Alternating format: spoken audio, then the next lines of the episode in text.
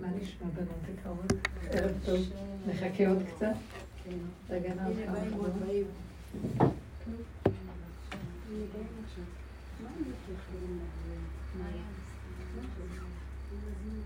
תכינו שאלות. הכי חדש שיש, הכי חדש. בנות, אתן שומעות? מתי גואל עושה השאלה? עכשיו הם אמרו שהם לא שומעים אני לא... כן, כן, שומעים הרבנית. תודה רבה. יופי, תודה. יש לך שאלה? לא.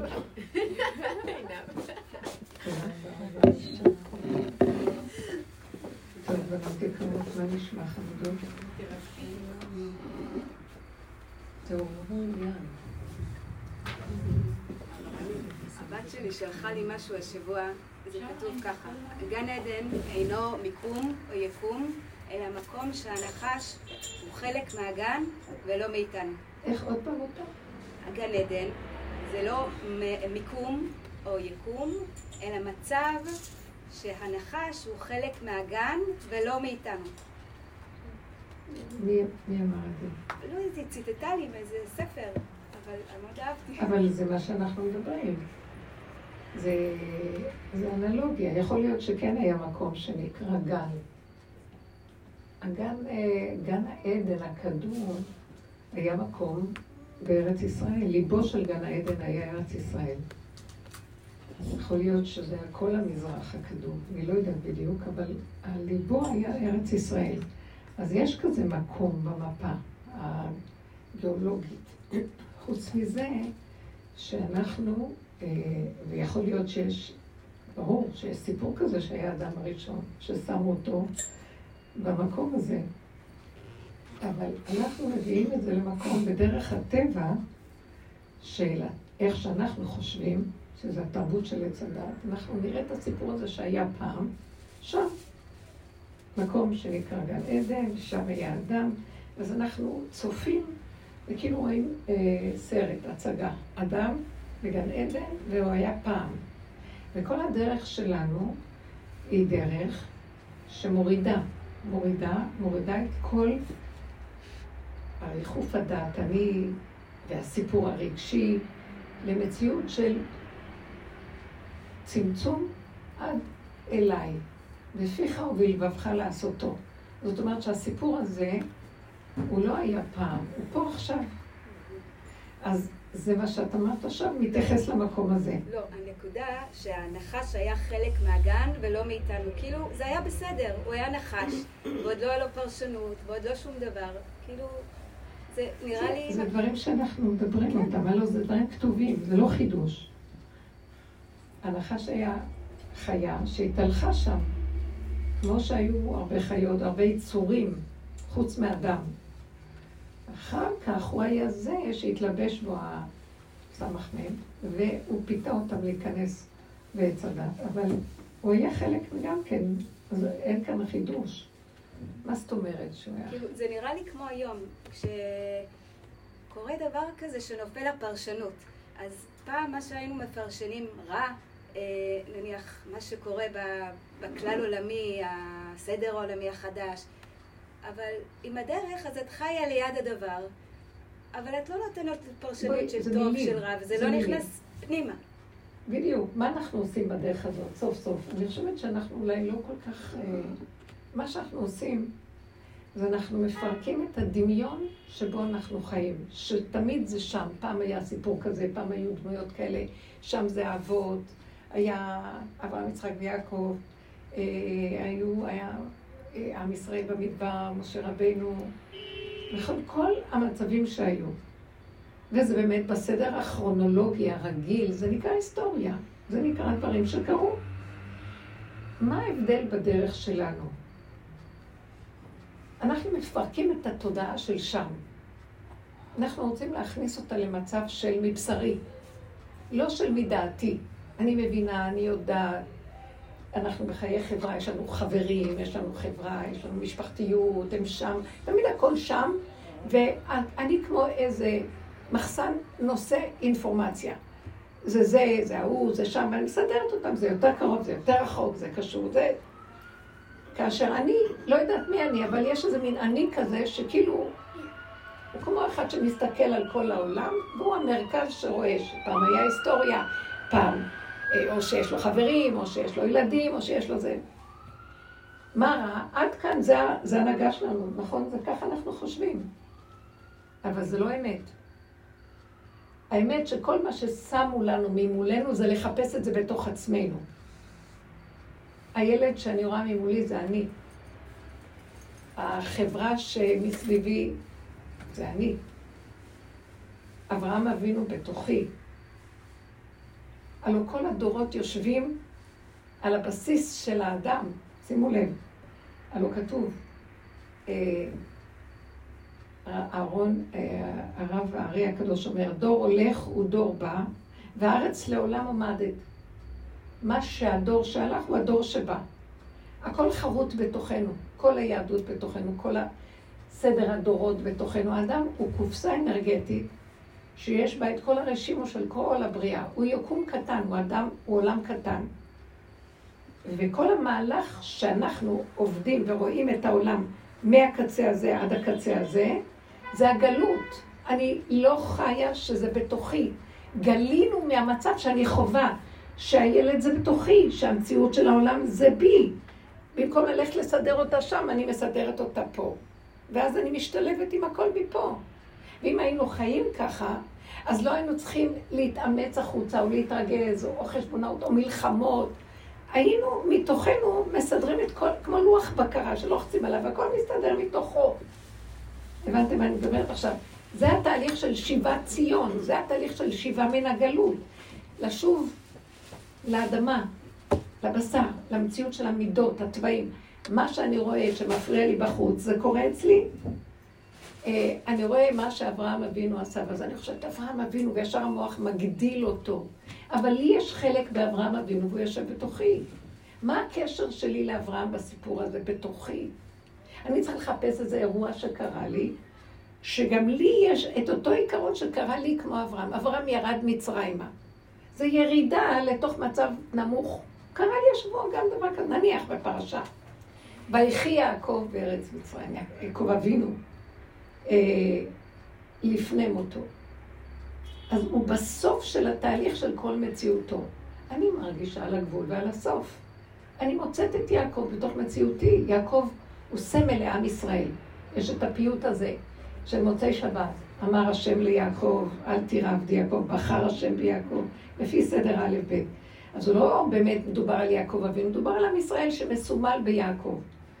אל תירא עבדי יעקב, זה כאילו עם ישראל, השם, אה, כל מה שכתוב שם על יעקב אבינו, אה, גאל השם את יעקב, וערך כוכב מיעקב.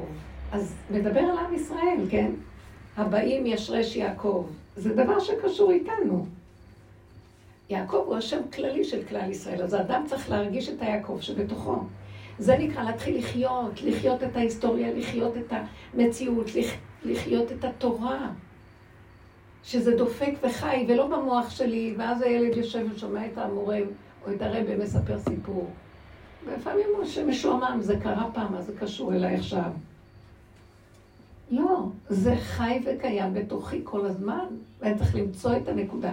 והדרך שלנו מחזירה לנו את העולם פנימה, פנימה, פנימה, ואני מתחילה למצוא את כל מה שקשור שם בתוכנו. זה הכתבים שאני, במוצא, העלון שאני שולחת לכם לשבת, הוא מושתת על הבסיס הזה. שאני לוקחת רעיון מהפרשה, ואני מכ... מכריחה את עצמי, את עצמי למצוא את החלק שקשור אליי. מה שייך ויגש יעקב, אל, ויגש יהודה אליו, אל, אל יוסף, ויגש אליו יהודה, מה שייך לי? וישר מצאתי שסוף הדורות, החלקים הנמוכים שבאדם ייגשו לדעת שלו ויטלטלו אותה ויגידו, מספיק לשגע אותי, אני לא יכול להכיל. ומה שעשה יהודה ליוסף, מה אתה, מה אתה מתעלל בי? אתה יושב למעלה ולא חי את החיים שאני כאן נמוך למטה. והאדם יצטרך לחוות את המקום הזה שאין לו כוח אה, לדרוש מעצמו יותר, לבקר את עצמו, לשפוט ולדון, לצפות ולשאוף ולחפש מדרגות, כי הכל כבר ייראה שזה אין לדבר סוף. מה שאנחנו עובדים לחפש מדרגות, זה מתרחק מאיתנו ואף פעם לא מגיעים לכלום. ואין אדם מת וחצי תוותו בידו. זאת אומרת, אני מחפשת שם ורואה שמה שכתוב שם בפרשה הזאת זה מה שיקרה בסוף הדורות, וזה קורה לי. שיקום העם הפשוט ויגיד עד פה, ואנחנו לא יכולים יותר. יש פער גדול בין החכמים לבין העם הפשוט. ושהשם בדורות האחרונים נתן לעם הפשוט הרבה השכלה והרבה דעת והרבה ידע, ואז העם הפשוט יקום ויגיד, גם אנחנו יכולים להגיד, גם לנו זה כואב, יש לנו משהו. מקבלים, אנחנו מקבלים, אבל יש איזה מקום שבלבול יתר חל, ואנשים מרגישים מבולבלים ולא יודעים מה לעשות. אז הדרך הזאת מביאה אותנו לדע, להגיד, אני יודע מה אני צריך לעשות עם עצמי. שמתם לב מה אנחנו עושים פה בדרך הזאת? בדרך הזאת אנחנו נעצרים ואומרים, אני לא רוצה להתבלבל יותר משום דבר. זה נוגע לי בגבול, הגענו עד הגבול, הגבול שלי מדבר. וזו האמת הכי גדולה שיש לי, נקודה. ובגדר הזה של הגבול, ככה אני רוצה לקיים את התורה. ואני לא חלילה, בעוד שאחרים, מרוב בלבול, חס וחלילה יכולים לבעוט בתורה ולא לקיים ולברוח, כמו שקורה, שיש בריחה ויציאה. לא, אני נוגע בגבול ואני אומרת, מה מתאים לי? איך אני יכול לקיים? מה מסדר? ושאני מרגיש שהתורה היא מתאימה לי, ואני אוהבת אותה, ואני רוצה לחיות איתה, והיא אור לרגליי, והיא מתאימה במיוחד לי, ולא אני עוד איזה אחד מתוך ספר או משהו, אתם מבינים? אני באמת, אה, ולא שאני מרימה את הרגליים ורצה לעשות פה כולם, אלא כי אחר כך יש לי מרירות, ויש לי כעס, ואני מתבלבלת, והולכת מרב לרב, ואני לא יודעת מה לעשות וכן לעשות. לא. וזה הדרך שאנחנו מביאים את הנקודה שלנו. והמקום המקום נראה בסדר, ומרגיע אותנו, שמתם לב מה אנחנו עושים פה. ומסדר לנו שאנחנו בעצם אה, בשלום עם הכל. אין לי טענה על השני, על השלישי, אין לי טענה, אבל סתירה. גם שיש רבנים עם פסיקה כזאת ואחרים, הכל אפשרי, אבל זה לא קשור אליי. האדם יודע את מקומו. ידע השור קונהו וחמור אבוס בעליו.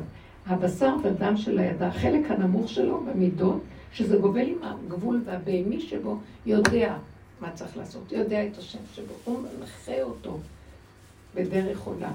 וזה מקום מאוד מאוד חשוב. והדרך שאנחנו עובדים בה אמורה להביא אותנו למקום הזה. אז, כשאת התחלת ואמרת בעצם שהנחש היה אה, מחוץ, בעצם הוא יצא. בעצם היה עוד יצור שהסתובב שם בגן עדן.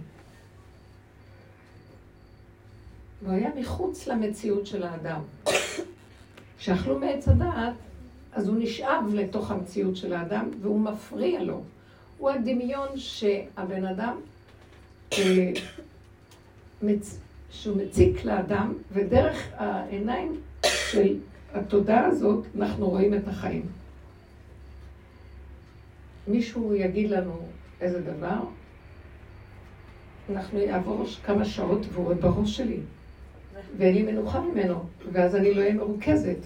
ואז אני יכולה לאבד את הרגעים הבאים ולא להיות מרוכזת בשלב מה שאני חיה בו הלאה, בגלל שאני אוחזת במחשבה שם.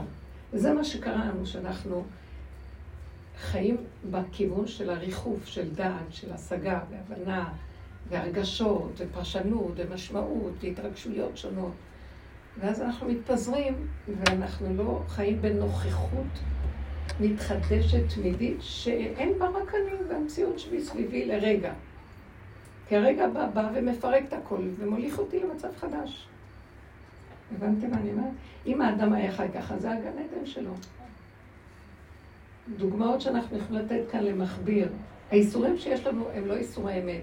הם כתוצאה מהמוח שעובד עלינו, אבל אם היינו ישר מחזירים כל רגע למקום שלו, ומבטלים ומבחינים שהמוח שלי פשוט עכשיו אחוז בפרשנות ומשמעות והתרגשות ומחשבות יתר ודמיונות ואין לי רגיעות בגלל כל מה שקופץ, הערעורים של המוח. היינו חוזרים ואומרים לא, מה זה קשור? עכשיו, יש לי משהו לידי ואני צריך עכשיו להתרכז במה שלידי. החלק של האחור עבר ואיננו, זהו. אם היינו חיים ככה, גם היינו רואים שאין שום בעיה. כי היה רק לרגע איזה משהו, אני יכול להגשים אותו, ולהעצים אותו, ולהגדיל אותו, ולעשות בעיות, ולהסתבך בו, ולא היה ולא נברא. גם יכול להיות שהכל קטן, באמת, הולך ובא, ובשנייה גם יכול להיות שיבוא איזה סיבה ויפתור את זה ויסדר את זה, ואני נשאר תקוע, כי אני לא נותן לעצמי לזרום עם ההתחדשות. וזה מה שקרה לנו כתוצאה מחטא הדת. ואנחנו שנים עובדים על הסיפור הזה, ואנחנו מבררים את הכל, ואנחנו רואים בסוף, חבר'ה, תיגעו בגבול שלכם, תשארו בגבול, ואל תוותרו לגבול. והגבול הזה הוא האור לרגלי, נר לרגלי, דבריך. ואיך שהגבול הזה מדבר, זו האמת שלי, ואני יותר לא רוצה להתפשר עם כלום. כשניגש יוסף ליהודה, הוא במקום הזה, יהודה ליוסף, הוא במקום הזה. הוא אומר בי אדוני, תשמע, אתה אדון שיושב שם למעלה ואני אדם למטה. אני אדם פשוט ארצי, אני לא יכול, אני לא יכול לסבול יותר את הסבך הזה והפלונטר שאתה מכניס אותי בו. זה נראה לי אה, ערמומיות, ואתה, ואני פשוט ותמים, לא יודע מה אתה רוצה ממני. אני לא יכול יותר להכיל. הגבול הזה, מה שזה עשה ליוסף, ריגש אותו כל כך, שהוא יצא מכל האצטלה הגדולה שלו של השליטה והמלכות, ונהיה אחד מהם פשוט. כמוני כמוכם, אנחנו אחים. אני יוסף. זה דבר מדהים. כשאדם ילך עם הגבול שלו, באמת שלו, כולם יכנו לנקודה שלו. כי אין לו אפשרות אחרת, וזו האמת שמדברת. זו גם לטובתו. לטובת מי? הגבול, הגבוליות. לת... ברור שזה לטובתו. זה, זה לטובת גם השני, נכון. שמתפלסף לו למעלה, זה מוריד אותו לנקודה, וזהו, והכל מתיישר. רק עם הגבול נוכל לגאול את העולם. הגבוליות מדברת. וכשאנחנו מחשבנים הרבה חשבונות ומבוהלים ומתרגשים ומדמיינים, אנחנו מתרחקים מהגבול, ואז העולם שולט בנו ואנחנו הולכים לאיבוד. אז הפסדנו. אז זה כל מה שאנחנו מדברים, התוצאות שלהם ניכרות עכשיו עלינו. וזו חוכמה מאוד מאוד גדולה, הדרך הזאת. היא הדרך היחידה שתוציא אותנו מהגלות. שאדם יודה באמת ויגיד עד פה.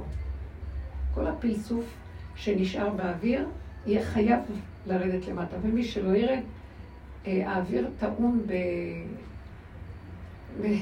ברובים, סליחה, זה סכנה, סכנת נפשות. איך אומר דוד המלך, אם לא שיוויתי ודוממתי נפשי, כגמול עלימו, כגמול לנפשי. אני מוריד ראש ואני משתלב עם המציאות הקיימת. אני לא יכול להיות למעלה יותר. המקום הזה יהיה בסוף הדורות, אנחנו נצטרך כולם לרדת. מי שלא ירד, ילך לאיבוד.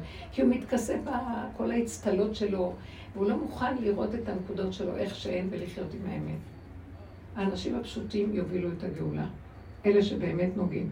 והם לא הכי פשוטים, כן? הם אנשים שהסכימו, החיים לא פרגנו להם את כל ההצלחות שיש לכל אלה שמעופפים. אז הם למדו להשלים, להסכים, לקבל, והם חזקים בכיוון שלהם, כי אין להם ברירה אחרת. הם מגיעים לחירות דרך המצב הזה. ברוך אתה אדוני לכל אנשי הכל יהיה מיום. הם מקבלים את המציאות שלהם. וזה יש להם חירות. זה מה יש לזה. כל היום אני רק טועמת את הכלור הזה במים, כל הארץ כנראה הזרימו את זה. גם בירושלים יש את הטעם הזה? כן, זה מה שטעמתי בכל מקום ששתיתי. מה זה בדיוק? אני יודעת מה הם שמים. טובים. גם של טעמים. יש מערכות סינון טובות. אם השם לא ישמור, יהיה עכשיו שקד שומר, אף פעם לא יודעים מה יש פה. איך?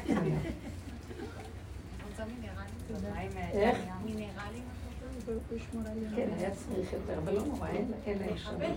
לא, לא, לא, כי זה רותח במכונה, זה לא. לא נורא, נרתיח אל תחפשי להרתיח, הכל בסדר. תודה רבה. לא, לא, טוב, תשאלו משהו. אני מבקשת תרענו. עכשיו אתם תדברו. שמעתם? לפחות אתם תעוררו דברים שאני מדברת ותיגעו בהם בנקודות. כי נגמר המילים, בגבול כבר אין לנו מה להגיד, זה רק החוויות הפרטיות שאנחנו נכנסים אליהן והכל בגבול. אם אני אתן למוח שלי להיפתח, אני בדיכאון ממנו, ולא אתן השם יעזור. אנחנו צריכים להתייצב בנקודה ולחזק אותה. בדרך כלל שאנחנו נראה את עצמנו ביחס לעולם, שאנחנו לאחרונה יותר ויותר חזק, אנחנו לא יכולים, אנחנו כל כך בגבול, שטיפה של ריצוי, אני תופסת את עצמי כבר, הולכת לאיבוד באיזה ריצוי של משהו. או בהתחשבנות, או בלא נעים, או במשהו שהשני או העולם יכול לעשות לי מצוקה ממנו, וזה המצב הקבוע של בני אדם. היום הגוף הוא לא יכול להכיל את זה. והוא אומר, אה, לא. אז אני אוותר, אני אשאר עם לבד, ועדיף לי מאשר להמשיך עם המקום הזה ולהיות מסובך רגשית עם משהו, כי אי אפשר להכיל. הגבול לא יכול לסבול מועקה, לא יכול לסבול מצוקה, לא יכול לסבול עקמומיות. הוא כמו ילד קטן שרוצה ליישר את הדרך והכל בסדר, הוא... אז אני נאמנה למקום הזה. בעוד שקודם אנחנו הרבה מחשבנים ודורכים על הגבול ומזיקים לעצמנו. אז עכשיו אסור בשום אופן. אתם מבינות מה אני מדברת? אז, אה, ואפילו אם יצא איזה מקום שאני אשאר האדם היחידי בעולמי עם עצמי, זה גם שווה לי. כי באמת במקום הזה של האמת לא נשארים לבד. אה, משהו צומח כנגדנו מלמטה ומחבק אותנו. צמח דוד עבדך תצמיח, מתחברים, שמחים.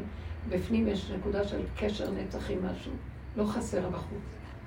אנחנו לא מתנתקים מהבחוץ, אבל לא בכל מחיר. אם זה מצטרף ואינו חסר, אז זה בסדר. אבל אם זה חסר וזה נהנה, לא שווה. שכל החלקים יהיה בסדר. ואם זה חסר וזה נהנה, אני לא יכולה לסדר את החיסרון של העולם. זה כלל מאוד מאוד חזק. אני לא נגד אף אחד, אני בעד נקודת האמת שלי. זהו, זה הכללים. אם אנחנו עובדים ככה, מאוד מתברר הכל. וזה הכלל המנחה אותי בכל פעמים שבאים אליי להתייעץ, בכל נושא של שלום בית או כל דבר. כשאני רואה מצוקה, אני ישר אומרת, תעצרו. כי תמיד המצוקה היא, אז אנשים יתלוננו, זה בגלל השני, השלישי, בגלל הנתונים האלה או האלה. באים להתייעץ, תמיד השני יהיה זה שגרם את המצוקה. ואנחנו, בעבודה שלנו, מבינים שאם יש לי מצוקה, השני הוא רק המראה והמקל להראות לי את המצוקה שלי. ובעצם היא מראה לי שאני הסכמתי למצב הזה, שאני לא נאמנה לנקודה שלי, ואני מאפשרת לשני להתרחב על חשבון הריצוי שלי.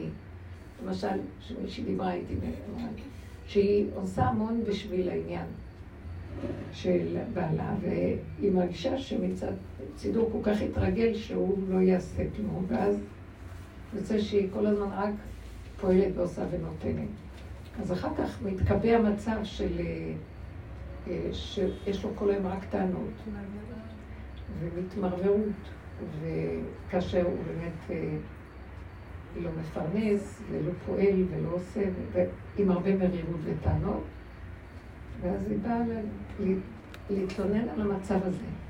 אז אמרתי לה, אבל את, אבל השנים אנחנו. בשאלה חסר.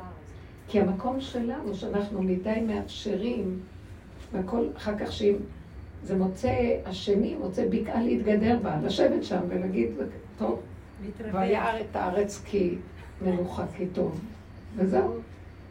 לא, למה שלא? ואז אחר כך הטענות שיש לי, ואז אז זה לא טוב. אני לא רוצה להתרחב בזה, בגלל שאנחנו לא מוגדרים. אין לנו גדר, אין לנו גבול, אין לנו... אנחנו לא עומדים בנקודה. עכשיו, אנחנו גם לא צריכים לצעוק על השני, אנחנו צריכים פשוט לדעת מה הנקודה שלי, זה המקום שלי, טוב, טוב, לא, אז לא, זה מה שאני יכול. כשאדם יודע את הגבול שלו, מפסיקים הוויכוחים, מפסיקים הנצחנות, והכל מאוד ברור. זהו, ככה זה וזהו זה. כשיהודה עומד מול יוסף, בגבול שלו, הוא בעצם עומד במקום כאשר עבדתי, עבדתי, תהרוג אותי, תעשה איתי מה שאתה רוצה, אני לא יכול, אני לא יכול יותר להמשיך את המשחק הזה. זה מה שכולם יגידו בסוף הדורות, מול ההיררכיה של העולם הנעלה ששולט בו. עד פה אני יכול, יותר אני לא מוכן. אז הוא לא יוכל לעמוד מול ההיררכיה הגבוהה.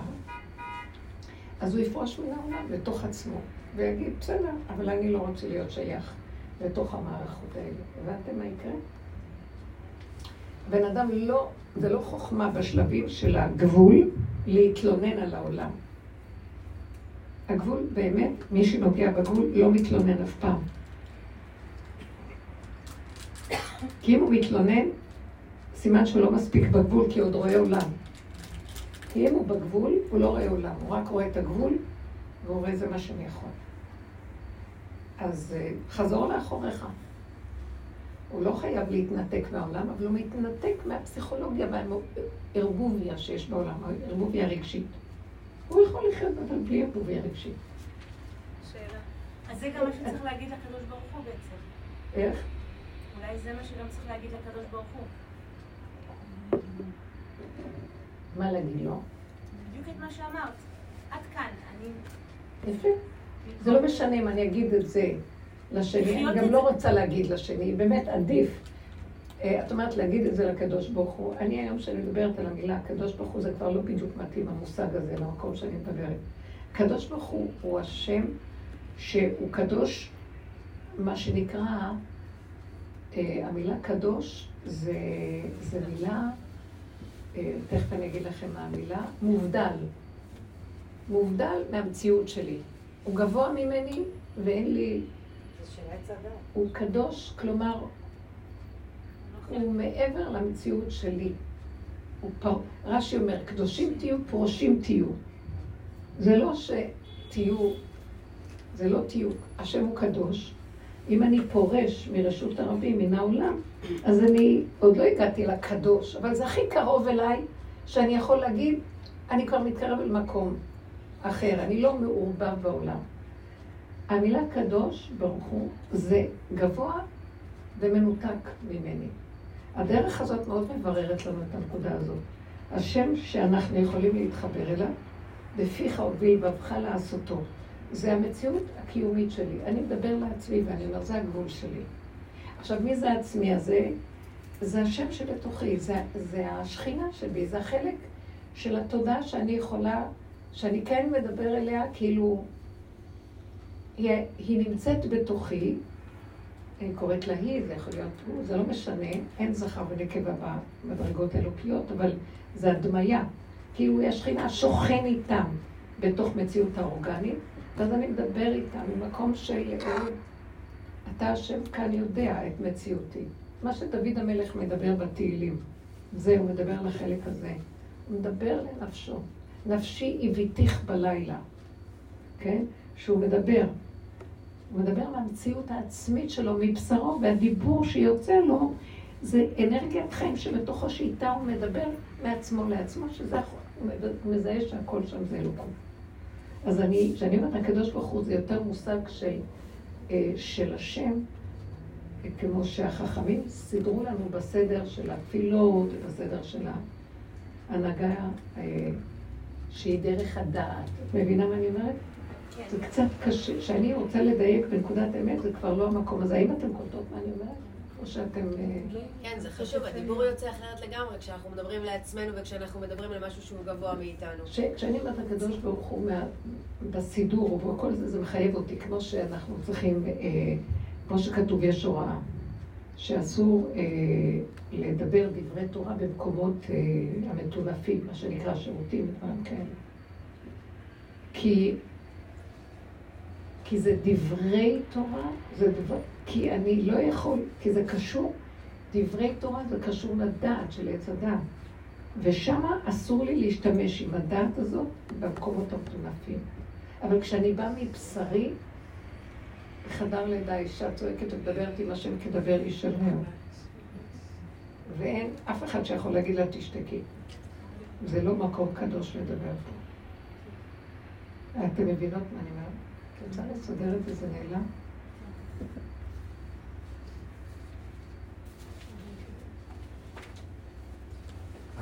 זה בסדר, זה בסדר, נראה לי שזה חוזר. זה בסדר, זה יסתדר. אז המקום הזה, אנחנו מדייקים יותר במושגים. תחזרי את השאלה עוד פעם, תגידי. לא, אני מעדיפה לא להגיד. לא, לא, תגידי, זה חשוב. לא, כי, כי זה לא ייגמר. אני תמיד אגיד את מה שאני אגיד. אני באמת, אני, אני חושבת ש... אני חושבת שהקדוש ברוך הוא חלק מאיתנו, ובגלל זה, אם הוא, אם הוא, אם הוא אני, אני, אני בכל רמ"ח איבריי עם הקדוש ברוך הוא, כן? והוא מתוק בעיניי, והוא חלק ממני, אז כל, ה, אז, כל, אז כל מה שיש בתוך האלוקות היא בתוכי. ולכן אסור שתהיה מציאות שלא יהיה לי טוב. זה, זה מה שאני אומרת. אני לא אומרת את זה, אני צועקת את זה, וגם, וגם לכן אני לא מוכנה לקבל שמישהי לא יהיה לה טוב. אז לא- למה את אומרת הקדוש ברוך הוא? לא, זה לא משנה, זה בכלל, זה, זה הגדרות, זה סמנטיקה. שורה תחתונה, אני באתי לעולם הזה וחייב להיות לי טוב. ולא יכול להיות מציאות אחרת. רק בגלל שאני מאמינה בקדוש ברוך הוא. ורק בגלל שבאמת, באמת, הוא, הוא, הוא, הוא, הוא, הוא בלתי נפרד מאיתנו. אז למה הוא? מה זה משנה? זאת סמנטיקה. לא. את לא מבינה מה אני מדברת. לא, לא. אז תגידי, אז תגידי, תגידי, אל תהיי קצרת רוח. אנחנו מדייקים אותך כי זה לתועלת. כי לפעמים אנחנו מתווכחים על, אנחנו מת- מת- מתעכבים על הדבר הזה, כשבשורה התחתונה המהות חייבת להיות, והיא רק מתוך המקום שאנחנו לא קיימים יותר. כבוד הרבנית, אני לפני שבאתי לפה הייתי גופה, אוקיי? כאילו באמת, אני, אני מרגישה שהקדוש ברוך הוא נתן לי את הזכות להיות כאן. אוקיי? ו, וזאת זכות אדירה, אבל אני הולכת עד הסוף עם, עם, עם, עם, מה שאת, עם מה שהקדוש ברוך הוא שלח אותך להביא. כן. ואני אומרת שלא יכולה להיות מציאות אחרת, וגם אסור שנסכים למציאות אחרת. וגם לא תהיה מציאות אחרת. אם, נהיה, אם נבין שאם אנחנו באמת לא קיימים, אם אנחנו לא מציאות, ואין עולם, יש רק בורא עולם, אז אם יש רק אותו והקדוש ברוך הוא רק טוב, אז לא יהיה משהו אחר. כש- כשאני אומרת, מה שאני רוצה לדייק, כשאני אומרת, הקדוש ברוך הוא, זה מושג שהוא דל, והוא לא קשור אליי פה. הוא כן קשור אליי, הוא תמיד קשור, אבל אני לא קשורה. כשאני מדברת על המקום של השכינה, או החיות האלוקית, או השם יתברך, אבל אמרתי לו, שהיא לא חתמה, צריך להגיד לא להם. היא לא נשמעה. היום, שאני אקבל שנה. אני אומרת לך מה... תסגרי. עלי, בבקשה לסגור את המיקרופון. כי מה אתם רבים, אתם מבינים? עכשיו אני מבינה למה אני רבה איתה. לא, אנחנו לא רבות, אני מסכימה עם כל מה שאת אומרת. את שאם אני... אני מחזקת את מה שאת אומרת, כי באמת כאילו לא יכול אני להיות מאוד אחרת. מאוד רוצה שנד- שנדייק עם זה. בגלל שאנחנו פונים היום למצב ש... תבינו, אני רוצה אולי קצת להסביר את זה. את? בואי נסגור את זה, זה לא לא... גם הטוב זה מהמוח נו, די עם הסמנטיקה. חייב להיות טוב, טוב, טוב, אובייקטיבי, כי זה הטוב שלי. הטוב שלי יהיה, יהיה, כי יש קדוש ברוך הוא.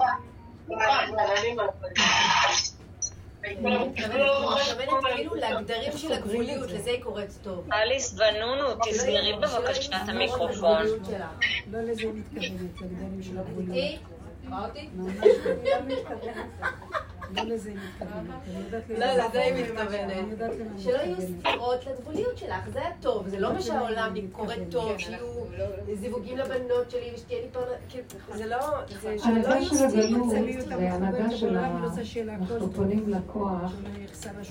שהוא בשמיים, וגם אין לנו כל כך קשר איתו, כי הוא רחוק מאיתנו. וההנהגה של הסוף, לא מבינה מה לעשות אני פשוט לא יודעת. אפשר אותם, את צריכה להשתיק. לא, היא לא לא, אני לא מצליחה. את רק יודעת? לשים אותם על מיוט. כן, בזום, את יודעת? היא לא עונה. לא. אני לא יודעת איך עושים זה. רגע, שנייה, שנייה, שנייה. ניסיתי, פרטיסיפנט. לא, רגע. טוב, נניח. שומעים בסדר, שומעים בסדר, רואים אותך יפה, בניטוש, ושומעים בסדר. לא, מישהו פשוט עם מיקרופון. אני לא. לא, אם לא מכבים את המיקרופון, אני סוגרת. תגידו להם. אני לא מצליחה לסדר את זה, זה השיעור שלכם. לא, אני לא, לא- אל תסגרי אותנו. אז אני לא יכולה. תגידו לבנות שיסגרו שם את המיקרופון, אני לא מוכנה. השיעור הזה שייך לנתניה, מי שרוצה להצטרף, צריך. להיות בנכבדות לכיוון הזה. אני באתי לתת פה שיעור, תבינו את זה. אני אבקש ממך אליס, אליס. אליס. תכתוב לא מיקרופון. כתבתי לה. אה, אוקיי. אנחנו לא ההוסט. בקיצור, אני רק רוצה לומר שמה שאנחנו עושים פה, הנהגה של הגלות היא הנהגה של השם, והשם בשמיים, והוא גבוה מאיתנו ואין לנו השגה בו. הוא קדוש, הוא פרוש, הוא מופרש וגבוה ונבדל מאיתנו. מה שההנהגה בגלות אומרת, חכמים אומרים, הלוואי אותי עזבו ותורתי שמרו. אל תדמיינו את השם. כי אתם לא תוכלו להשיג אותו, אנחנו בגלות קשורים בשמיים.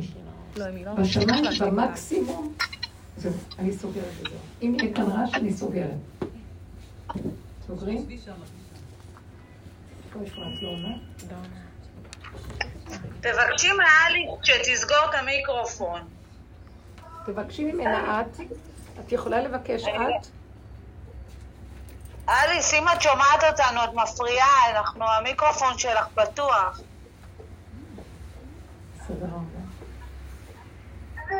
זהו, היא סגרה. סגרה, סגרה. אוקיי. יופי. בכל אופן, החכמים הם אלה שמנהיגים אותנו בגלות. והתפילות שלנו בגלות, הם הולכים דרך, דרך אה, הסידורים ודרך כל המקום הזה, דרך המקום הזה של, אה, של הדעת, מה שהנוסח שקבעו לנו, וכל התפילות של אדם. ולא נדרשנו ליותר, כי תמיד הפחד שילכו לדמיון. תלכו בחוק, תחפפו, שימו לב לאותיות, אל תעבדו, אל תעשו תורה, תעבדו עם כוונות וכל מיני דברים. תעבדו עם הרצף הרגיל. לקראת הסוף, השמיים ננעלים. יש משהו שהבני אדם מרגישים שהם רוצים קשר נפש עם הדברים. הם לא רוצים שזה יהיה כמו שהיה פעם. פעם ככה קיבלו את זה. השם היה מאוד, החוקים, התורה, הכללים, המנהגים, המשפחתיות, זה היה המקום שעם ישראל היה בו, והיו גם תפילות. שמתם לב מה קורה בדורות האחרונים, במצב... זה, יש סערה, יש נפש, יש הרבה התרגשות, יש הרבה משמעות, יש פרשנות. האדם רוצה להביע את עצמו. אדם מדבר על רגשותיו, על מציאותו, על המעברים שלו, מה שקורה לו. הוא מתפעל מזה, הוא מבקש עזרה, הוא צועק, יוצאים לשדות, אנשים צועקים.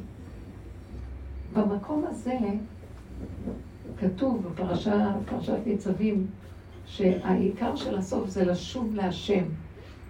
מה זאת אומרת ושבת עד השם אלוקיך? למה צריך לשוב? מה, אנחנו לא עם השם כל הגלות? אנחנו לא איתו באמת, אנחנו עם הדמיון שאנחנו איכשהו בעץ הדת סוברים מה הוא, אבל כל אחד מדמיין מה הוא כפי עצמו. והדרך הזאת שקיבלנו היא פשוט להתחיל לשוב. דרך התוואים, להתחיל לרדת מהדעת ולהיכנס לתוך ההתנהגות, המידות, ולבחון את עצמנו, ולראות את השקרים של עצמנו ואת כל הדמיונות שלנו. וכל הטענות שיש לנו, אנחנו מאוד מאוד אוהבים את השם, אנחנו צדיקים ואוהבים אותו ומרגישים אותו, אני לא מדברת עלייך. ממש לא, כי אנחנו בדרך עברנו למקום אחר. ואז פתאום מתחילים צרות, כאבי נפש והכל, ובן אדם עומד, והוא לא יודע מה, אז הוא בא בטענות להשם, או שהוא בדיכאון, או שהוא לא מבין למה השם עזב אותו, כאילו היה לו את השם קודם. פשוט מראים לו את עצמו באמת, מה הוא תמיד היה, ועכשיו זה יותר ברור.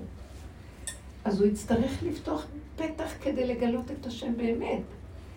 כל זה בכוונה שסוגרים לו את הצד של הגלות, והיו שמך ברזל. זה כדי שהוא ייכנס למצב לגלות את השם שנמצא, שוכן איתו, בתוך צרותיו, בתוך תומותיו, בכל כאביו. זה כוח השכינה ששוכן איתנו כל הדורות, והוא בגלות. לא, אנחנו לא נותנים לו ביטוי, כי אסור לנו. גלינו מארציות, מארצנו, ונתרחקנו מאדמתנו. ואנחנו שייכים בדעת ובחוקים, ושומעים את החכמים, והולכים לרגליהם ולאורם נלך וכן הלאה. ולקראת הסוף, כשהבן אדם ייכנס יותר ויותר למציאות הנפשיות שלו, הוא יהיה חייב לשנות, לשדרג את המקום הזה של האלוקות. זה כבר לא יהיה בשמיים. גם לא יענו לו מהשמיים. הוא לא יענה. את יודעת איפה שאנחנו קיבלנו ממש תחושת שכינה וקשר, ואת ראית את זה? זה כולם כאן רואות את זה, כי ירדנו למטה. כי התחלנו להתבונן בדברים שלנו, והכרנו את עצמנו. וכשאנחנו ירדנו למטה והיינו מוכנים להודות על המציאות שלנו, שכינה קמה לקראתנו ועוטפת אותנו. געגעתי אליכם, איפה הייתם? אתם איתי? אתם באתם אליי? אתם מקימים אותי. אתם נותנים הכרה למצב הנפשי שלכם, אתם דנים בו, אתם רואים אותו, ממיינים אותו, אתם עומדים באמת שלכם.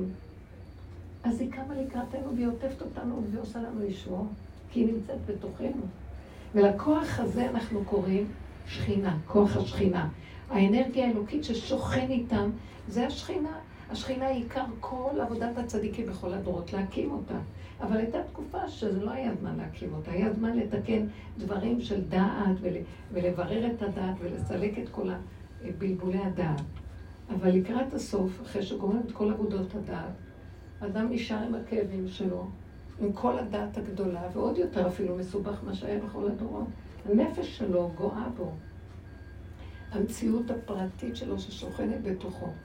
והעבודה הזאת מתאימה לדבר הזה. היא אומרת לנו, אל תיבהלו. זה בכוונה כל הסערה הזאת. בכוונה שהכל גועש והמבול הזה סוער עליכם. כי אנחנו צריכים לגלות את היבשה. כשהמבול ישתתק, היבשה תתגלה, כמו שהיה במבול, שהמים ירדו וירדו וגבו וגבו, ואחר כך אי אפשר יותר לסבור, מחה את כל היקום, כבר הסבל של האדם, ואז מהסערה הרגשית, ואז פתאום המים התחילו לדעוך והתגלתה היבשה, ותראה היבשה. ואז אנחנו מתחילים, זה השכינה, מתגלה לקראתנו כוח ששוכן תמיד בתוכנו, ולא ראינו אותו דורות, והיה קבור. והוא זה שהכי אמיתי, הכוח האלוקי הכי אמיתי, שאדם יכול להתייחס איתו. יותר מהשם בשמיים. השם בשמיים, אתם לא מבינים. אין לנו מושג מהו. הוא לא דבר שאפשר להשיג אותו. השכינה היא הכוח שלנו לחבר, היא הכוח שמחברת אותנו אליו. היא כמו האימא שמקשרת אותנו לאבא הגדול. אין הילד יכול להתקשר לאביו בלי האימא. אז איך אדם יכול לדעת שהחיבור הזה הוא נכון? איזה חיבור? של השכינה. כאילו, את אומרת, השכינה זה מה שמחבר אותנו, כאילו, כביכול... כשאני מקים את המקום הזה, כשטוב לי, שמח לי, אני מפסיק לשים לב למוח שלי. אני מפסיק לאחוז ב... ב בוא נעשה 80 פעם תהילים, או, או 900 פעם אה, כותל, או כל מיני דברים כדי, עשיתי ונושעתי כדי להכריח את ההנהגה האלוקית.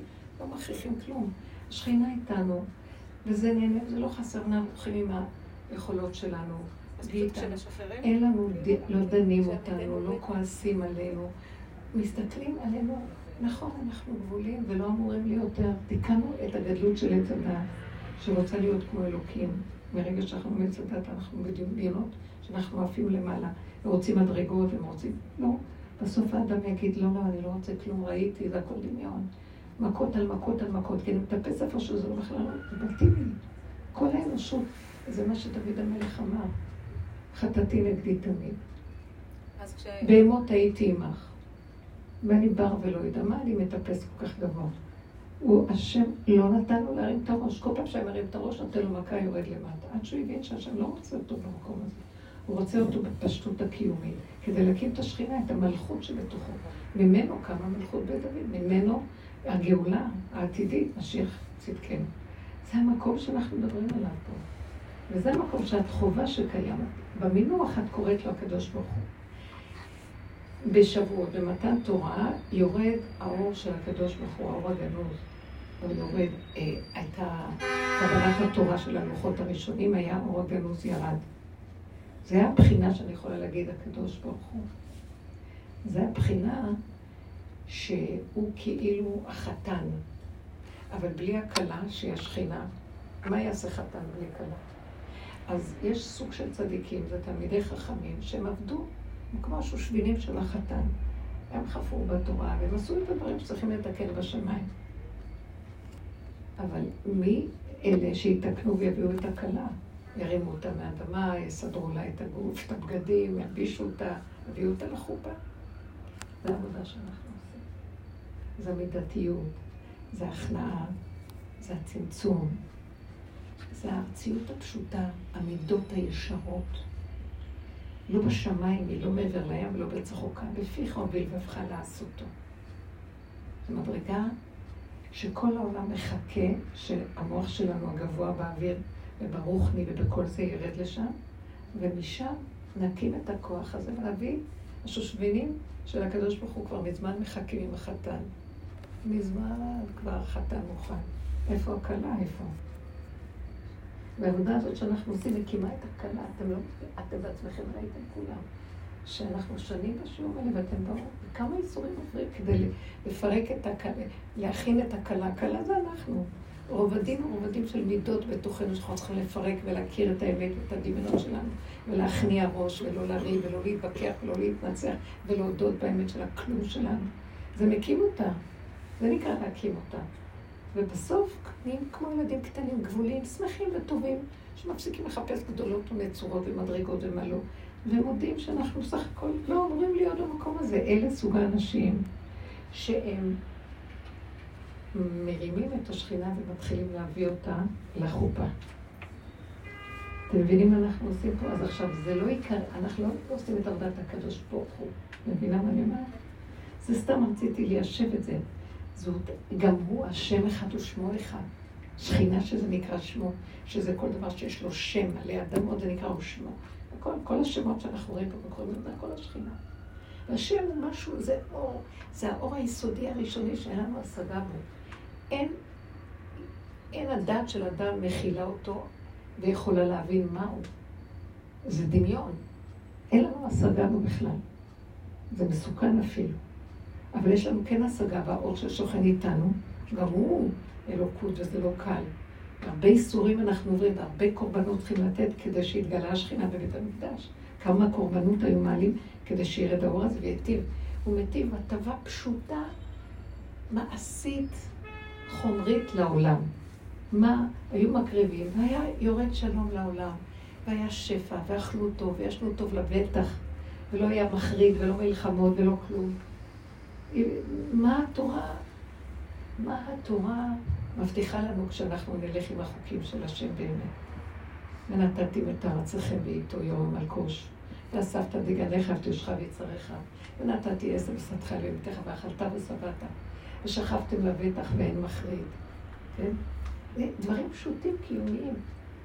כל כולו, אבל זה הכל. אנחנו דמיוניים. מה את רוצה להיות מלאך? מה אנחנו רוצים ברוחניות? כל העבודות שלנו שם בשמיים. מלאכים? יש להשם מלאכים בשמיים בלי סוף. הוא ברא אותם ביום שני. את האדם הוא ברא ביום שישי, ואדם שהוא ברא ביום שישי כולל גם את המלאכים וגם את כל הבריאות שהיו ראשון, שני, שלישי. ביום שישי הכל כלול בתוך האדם. והמלאכים רק ביום שני נבראו. האדם יותר גבוה מהמלאכים, אם הוא באמת עובד עם מדרגת האדם. לא בשמיים היא. שהוא מכיר מכף רגל עד ראש את מציאותו. ומעריך את מציאותו. מה אנחנו רצים לחפש בשמיים? זה הגלות האיומה, למדנו את זה מהגויים. הגויים מחפשים מלאכים. כי הם עובדים את המלאכים, וזה סוג של עבודה זרה. והיהודים לא מורשים לדבר הזה. היהודים נכנסים לארץ ישראל מהמדבר. בדור דור המדבר היו דור דעה גדולים, והם לא רצו להיכנס לארץ ישראל עם רגלים, הם רצו להישאר במדבר. ולרחף בענני כבוד, במדרגות. לא. השם רצה להביא אותם משם, להכניס את הדעת לתוך ארץ ישראל, זורעים וחורשים, ומצוות עשה אה, שארץ ישראל תלויה בהן, לקט שכחה פאה תרומות, מעשרות, שמיטות, יובלות, בית מקדש, מה שצריך לעשות. פשוט מעשי. תראי איפה גלויות של גלויות של ריחוף שגלינו מארצנו והלכנו אה, כמו אומות העולם. אומנם נשארנו בתורה, אבל הפסיכולוגיה של עם ישראל בגלות היא כמו הגויים. גבוה, אנחנו מרחפים, אנחנו ידענים גדולים, אנחנו לומדים הרבה, משננים, כמו במדבר. כל היום משננים בבתי מדרש התורה. אבל זה מצד החיסרון, כי היתרון הוא להיכנס לארץ ישראל ולחיות חיים מעשיים עם התורה. זה לא אומר שלא נלמד. אבל קיום מעשי, שאנחנו מנותקים ממנו בזמן הגלות. אז המעלה היותר גדולה זה להיכנס לארץ ישראל ולקיים את כל המצוות כמו שצריך פה. וככה, תורת ארץ ישראל יותר גדולה מתורת הגלות, זה ברור. הרמב"ם אומר שהתורה בגלות שאנחנו לומדים היא רק למען לא תשכח מפי זרעו, שישננו כדי שלא יישכח. אבל העיקר של כל התורה והקיום שלה זה בארץ ישראל. אז זה השכינה. ארץ ישראל זה ארץ אשר עיני השם אלוקיך בה, לשון נקבה. מראשית שנה ועד אחרית שנה. לא תחסר כל בה. ארץ אשר מהרריה תחצוב נחושת ומאבניה מברזל. לא תחסר כל בה. כל הדורות העיניים שלהם היו נשואות לפה. כל העסק של כל הגילוי הסופי של מלכות בית דוד זה פה. יוסף בארץ מצרים, זה, זה מסמל את הגלות. זה חכמים, גבוהים, נותנים לנו הוראה, אה, אב רך, אב בשני, אה, אב בחוכמה רך בשני, שהם לא, שהדעת שלהם לא, לא חופפת לגילם. זה כאילו, הגוף זה דבר אחד, והדעת שלהם גבוהה מאוד. לא, הגוף שלנו חייב להיות פה. אתם מבינים את ההבדל? זה מה שאנחנו רוצים פה, לעורר את החלק הרדום, שעם ישראל סוף סוף מחכה לו כדי להקים את הגלות הזאת ולזכות לגאולת משיח בן דוד. כן. בקול רם אותי. אומרים שאדם רוצה להתקרב לקדוש ברוך הוא, אש אוכלה הקדוש ברוך הוא. איך, איך? הקדוש ברוך הוא אומרים שהוא אש אוכלה. אדם רוצה להתקרב אליו. אז אומרים להתקרב לתלמידי חכמים. אני אומרת, לפעמים כשאני מרגישה שאני מיואשת, אני פתאום מבינה שהנשמה שלי צמאה, אבל היא צמאה למנהיג. כל אחד צריך להתפלל, כמו שהתפללנו על הזיווג שלנו. וברוך השם, אחרי שבן אדם זוכה להתחתן כדת משה, הוא פתאום רואה שהוא... ירדה נשמה, כאילו... אני אומרת, אותו דבר גם הנשמה של מנהיג. אחרי שבאמת בן אדם מוצא מנהיג, שזה חסדי השם, כל הרעיון הזה של משיח הוא להגיד לנו שאנחנו לא יכולים בלי מנהיג, בלי מלך, אנחנו... צריך משהו לתווך בינינו לבין בורא עולם. יאללה, יאללה, תצאי מהעולם כבר.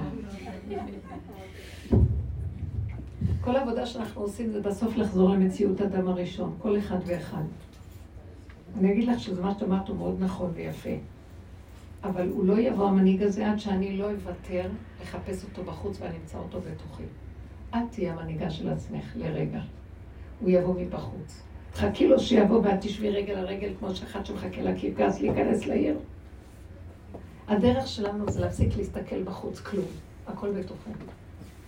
ופיך ובלבבך לעשותו. אתם תחפשו את המנהיג בתוככם. למשל, כשאת אמרת לי על הקדוש ברוך הוא, אני התעקשתי איתך, שמת לב? כי זה עדיין שם. לא, תרדי לפה. השכינה פה. מה זאת אומרת השכינה פה? אם יש לי מצוקה קטנה מעצמי, שאני באה במגע עם בן אדם, ואני רואה, מה אני רואה בעבודה הזאת שהביאה אותי? שאחרי כל העבודות שעשיתי, אני כבולה בריצוי שלי. בלי משים התקרבתי לאותו אדם, ונהייתי ידידה איתו, איתה, עם החברה הזאת. ואז היא לא בדיוק מבינה אותי, ואז אני מרצה אותה כדי לא, לא לפגוע בה. ואז אני מרחמת עליה ומרצה אותה, אבל אני מתנתקת מנקודת האמת שלי. וקרה לי כזה דבר לא מזמן, ואני ראיתי, נהייתה לי מצוקה, ואמרתי, למה אני במצוקה? כי כל פעם שהייתי צריכה ללכת אליה, נתקפתי באיזה מצוקה, ואמרתי, למה אני במצוקה? ופתאום הבנתי שהמלכתי אותה עליי מדי, בלי משים. זה לא היה בגלל שאני מחפשת אותה כמנהיגה לי. זה יכול להיות שאחד יחפש מנהיג, אז הוא ממליך את עצמו על המנהיג. והוא אומר, השני, ראיתי אותו מעלות רבות ואני שינהיג אותי. אני לא מאמינה יותר בשום דבר. אני מאמינה שעד שאני לא אגיע למקום שהסיבה תוליך אותי, ולא המידה שלי שלא נעים לה, והיא מרצה, ואחר כך אני פוגעת בעצמי. למה? מה ראיתי? אני פתאום מפחדת ממנה. למה אני מפחדת ממנה? אני בעצם גרמתי לה שהיא תרדה בי בלי, בלי שאני אשים לב. אתם מכירים את זה? שאני מרצה מישהו, זה לא נעים לי וזה, והוא מרגיש כבר מדי ככה עליי, ואז אני נבהלת, ומצד אחד אומרת, אז למה שאני אלך אליה? כי אז אה, היא רודה בי, ולא נעים לי להגיד לה, כי מסכנה, היא לא עושה את זה בכוונה. ונמצאת שאני חסרה, ואותה אני מקלקלת על ידי זה שנותנת לה את האפשרות. והתחלתי, אז אמרתי, תפסיקי. תפסיקי, לא מתאים. והייתי צריכה בצורה מאוד נבונה למצוא סיבה לא להגיע. המקום הזה הבהיר לי שבחוץ אף פעם אני לא אמצא כלום, אם אני לא מוצאת אותו קודם בתוכי. אם אני אלך ואתחבר לבן אדם, לא על ידי הריצוי, ואני לא אלך לאיבוד בחשבונאות, או בכל אחד המידות שלו. לי יש את הנטייה לרצות, אני מרחמת על בני אדם, אומרת, מסכנה, מה אכפת לך? אבל אני עושה, אבל בסוף אני דורכת את הנקודה שלי, ואני לא באמת עם עצמי, ואחר כך יש לי מצוקות, כי פתאום אני רואה, העדינות בפנים של הנפש שלי, פתאום פחדתי ממנה, פחדתי ממנה, היא צריכה אותי, ואני זאת שפוחדת ממנה, הבנתם מה קרה? ואז ראיתי, אני סכנה מהלכת. יש בי תוואים כאלה שהם כובלים אותי, ואני, ושימו לב, אנחנו נכבלים על ידי הילדים שלנו, אנחנו עושים שהם ישלטו בנו, או בן הזוג, או איזה חבר פה, או הבוס, או כל דבר אחר, כי לא נעים לנו, ואנחנו רגע מלקקים פה, ורגע מתחמפים פה, וחולשה פה, והכל מצד המחשבה שאנחנו בסך הכל רוצים להיטיב לבריות. לא מדובשך ולא מיוקצח. להקים את השכינת לחיות בגבול שלנו, מאוד מחוברים טוב לנקודה שלנו, ואני קודם. המקום הזה קודם, זה לא בגללי שאני באנוכי קודמת. זה בגלל שיש לנו כאן עניין להקים את השכינה, והיא לא תקום אם יש, אם יש שם איזה משהו שהוא לא באמת. ואם, ואם המקום שלו, אני בעצם אומרת לעצמי שכאילו זה הגבול שלי. גורם לאחר אי נוחות. כאילו- האי נוחות של השני לא צריכה לעניין אותי. אני לא באתי להזיק לו, אני באתי להיות מחובר לנקודת האמת שלי. זה לא ייגמר, סליחה. וכשאני מתנהג ככה, העולם מתיישר. וכל אחד מתחיל להתנהג כמוני, ואף אחד לא, סובל, לא שונא אף אחד, והכל בסדר. ככה אנחנו, חשבון על זה, והוא מחשבן, וזה מחשבן לזה, והוא מחשבן לזה, מחשבן לזה, פקעת של חשבונאות, ואין אמת, וכל אחד לא נעים לו מהשני, בסוף כל אחד שונא איתו שני. לא, זה לא ממקום של לא נעים. זה... זה... לא משנה איך, אבל זה לא אמת. מה זאת אומרת שאני צריך ל... למה, למה השני, שלא הזקתי לו, נפגע ממני? מאיזה סיבה? הוא לא ייפגע אם את בגבול. מאה אחוז. אם אני נוגעת בנקודה שלי באמת, ואני במקום הזה אומרת, אני לא נגדך, אני בעד נקודת אמת, אני לא יכולה להכיל, אין לי כוח, מצטערת איתי. אני באמת מחבבת, מעריכה ומוקירה. את פה כי אני מסוכנת. הבן אדם השני יכבד אותי. הוא יעריך אותי, הוא ילמד ממני איך לעשות אותו דבר. אז אני שמה לב שלפעמים אני כאילו מגיעה למקום שבו אני אומרת, אני לא יכולה להכיל יותר, מכילה, אני לא יכולה לעזור יותר, ואני מנסה כאילו לקחת צעד אחורה ולהישאר בתוכה. אז מה רע בזה? שהצדדים עוזבים, לאו דווקא באמת מעוניינים שאני אסור לאחור. ושאני... למה אני צריכה לחשבן מה הם, מה לא הם? תפסיקו, צאו מהחשבונאות.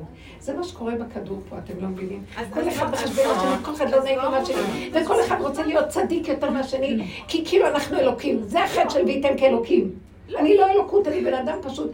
קודם כל, אני, אסור שאני אהיה במצוקות. לא אישה מבעלה ולא בעל מאשתו, ולא ילד מיורה ולא הורה מילדו. כל אחד בנקודה שלו, וצריכים לחנך את ה... אם היינו מלמדים ככה את החינוך הנכון במידות, את הילדים, החיים היו נראים אחרת. ילד היה יודע את מקומו, והורה היה יודע את מקומו, וכל דבר היה בא למקומו בשלום. הילד היה מכבד את ההורה, וההורה, כי ההורה מכבד את נקודתו. ובעלה מכבד את אשתו, כי אשתה מכבדת את נקודתה. וככה כל העולם. הכל הלך לאיבוד, גלות. ההוא בא לפה וההוא מחשבן לזה, וזה מחשבן לזה, וזה כל העולם ככה מלא חשבונאות ושכינה בגלות. וזה לא טוב. אני לא באתי להזיק לאף אחד, אבל באתי לעשות צמצום מה, מהסערה הנוראית של הצדקות הגדולה, של גדלות האדם במרכאות, הגנב הגדול הזה שמבלבל את הבן אדם, ובסוף כולם מתהלכים עם כאבים בנפש אחד על השני ולא יודעים מה לעשות. אותו דבר לנושא של המנהיג, נחזור לנקודה הזאת. אני כן רוצה שיתגלה משיח בן דוד, אבל אם אני לא אגלה אותו בתוכי, אני גם לא אשיג אותו בחוץ. כל אחד שיבוא, או שאני ארוץ אחריו, בסוף אני אגיד, מה עשיתי? כמו שרצו אחרי להבדיל אלפי הבדלות, איך קוראים לו זה שבתאי יימח שמו, או שאני, כן, הכל יכול לקרות, או שאני אגיד, אה, מה, גם זה מישהו? והוא יהיה באמת משיח באמת, אבל אני לא אוכל לסבול אותו, כי הוא לא נראה לי כמו שהדמיון שלי מראה לי מה. תבינו, אנחנו חייבים לנקות את הסיפורים האלה ולהישאר כמו ילד קטן. הילד הקטן מזהה את המלך, את בגדי המלך, והאדם הגדול לא מזהה. הוא, לא, הוא מזהה שאין לו בגדים. בקול רם? מה לגבי הצדיקי אמת? היית כמו הבבא סאלי, או לפעמים פעמים אנחנו נקשרים לאיזשהו צדיק? כן, מצוין. לא, מה הדעת שלך? אני אגיד לכם, אם הולכים לקברות צדיקים, או שיגדלו חיים טובים וארוכים, הצדיקים האמיתים בדור. זה לא על מנת ללכת אליהם ולחזור, וללכת ולחזור, זה לקחת מהם נקודה ולחזור לעבוד. וגם הצדיקים רוצים לתת לנו את הנקודה, אבל אנחנו מכשילים אותם ומפילים אותם בבלבולים שלנו. ההערצה שלנו אליהם ברמה הזאת גונבת אותם גם כן. והם לא יכולים לתת לנו משהו באמת הם רוצים לתת. תדעו לכם, רב אושר היה צועק, מה אתם רוצים ממני? אתם מפילים אותי בדמיונות שלכם? אתם מגשימים אותי ומפילים אותי בקליפה שלכם? אתם מבינים מה הוא היה אומר? מה אתם רוצים ממני? נתתי לכם עבודה, לכו תעבדו. מה אתם רוצים בחינם? טוב, אז הוא היה עושה כל מיני, היה לו כוחות מהטבע, מהשם יתברך, שנתן מהשכינה, שמאוד אהבה אותו, ונתנה לו, פתחה לו ישועות, והיה עושה ישועות לאנשים. אז כולם היו באים לרבה שעושה ישועות, עשו ממנו אדמו"ר, הוא אני לא אדמו"ר.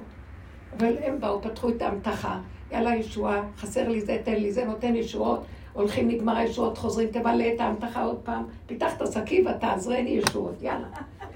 אז יום אחד הוא קם וצעק, אני נותן לכם ישועות, כדי שיהיה לכם. פתח להתחלה ושמחת הלב, כדי לבוא לשמוע את הדרך שלי. אבל אתם באים, את הדרך שלי אתם לא רואים, ואתם רק רוצים את הישועות שלכם, ועשיתם אותי איזה רבן של ישועות, מה, אני פראייר שלכם? השכינה מחלקת לי לתת לכם כדי שתתקרבו אליה, לא בשביל שתמצאו כאן איזה אחד שמחלק ישועות. לא רוצה לתת ישועות. כמו שאמר, עשיתי ונושעתי, סידרו איזה, איזה ספר, עשיתי ונושעתי. כל היום מחפשים איך ישועות וישועות וישועות. אני לא מחפשת את זה. תנו נקודת עבודה, השכינה קמה, ישר יש ישועה. היא הישועה. להשם הישועה למך ברכתך סלע. מה זה הדבר הזה? וזה החלישות של הדור. מחפשים איזה מנהיג שיסדר לנו את החיים. מחפשים איזה צדיק לרוץ אחריו. מחפשים את הקברות צדיקים. גם השתגענו. זה לא מה שהשם מתכוון. נתן לבן אדם בחירה, נתן עבודה, נותנים דרך. העולם מלא מכל טוב. כל הצדיקים פה לתת לנו דרך, כל החכמים לתת לנו. אה, פעם בא, בואו ניקח את התלמידי חכמים. בא איזה תלמיד חכם אצל הרב אליושיב, עליו השלום, אה, ואמר לו, רבי, רבי, אני צריך אה, שתגיד לי, שתפסוק לי בדבר זה וזה, מה לעשות וזה. אז הוא נתן בו מבט ואמר לו, בשולחן ערוך בדקת? ב... לא יודעת מה, בכל נושא כליו של השולחן ערוך בדקת? לפני שאתה בודק, למה אתה בא אליי? יש לך עבודה קודמת לעשות. כשמה שלא עשית נסגר לך, אז תבוא אליי. מה? מה, מה אני? אתם מבינים? אנחנו רצים עצלנים. לא מוכנים להשקיע, לא מוכנים לעשות עבודה, לא מוכנים... תביא ישועות, תביא לנו פסקים קלים, תביא לנו, תביא לנו. זרק אותו מעלה. רצו לעשות איזה כנס מאוד גדול, אה, בואו ככה לעשות לחיזוק העם בירושלים. אז הלכו לרב אלישיב, שייתן ברכה כל המארגנים, לכנס גדול בשביל לחזק את, ה, את עם ישראל, אני לא יודעת מה.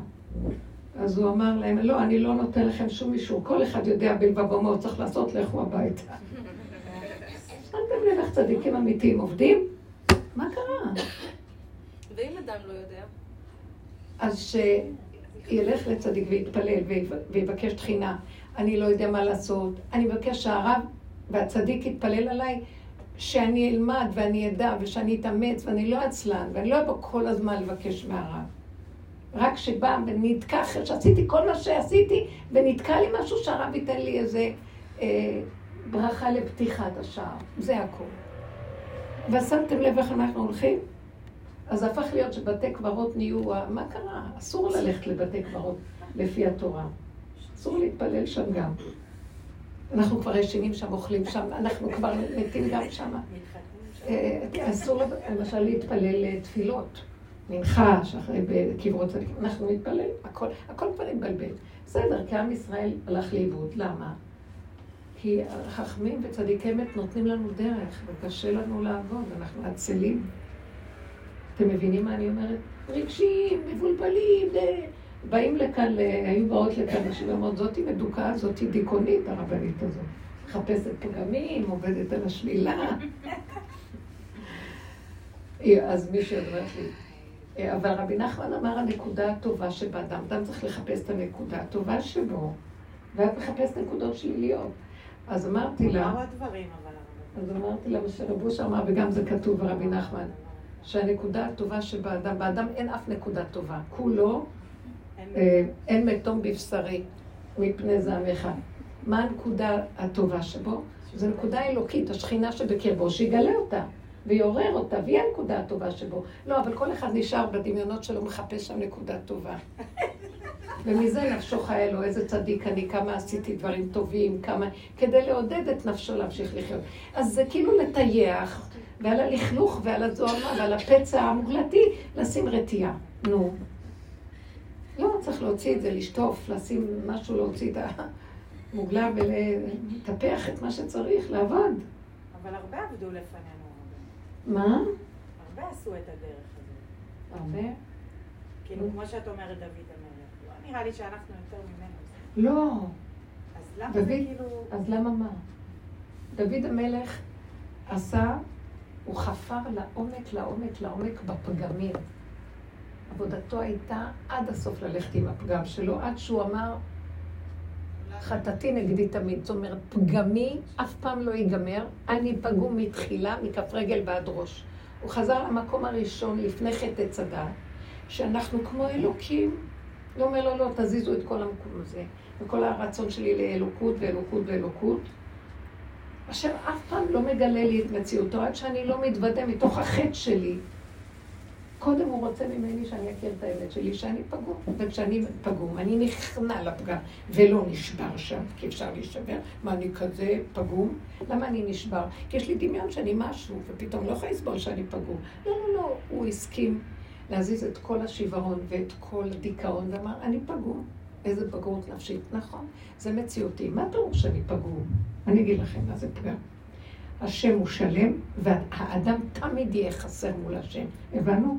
אז אם כאן, רק כאן האדם רואה שהוא צריך את השם. כי אם הוא עוד חושב שהוא משהו, חוץ מזה יש גם השם, וכל הזמן מתלקק סביבו שאני משהו, משהו.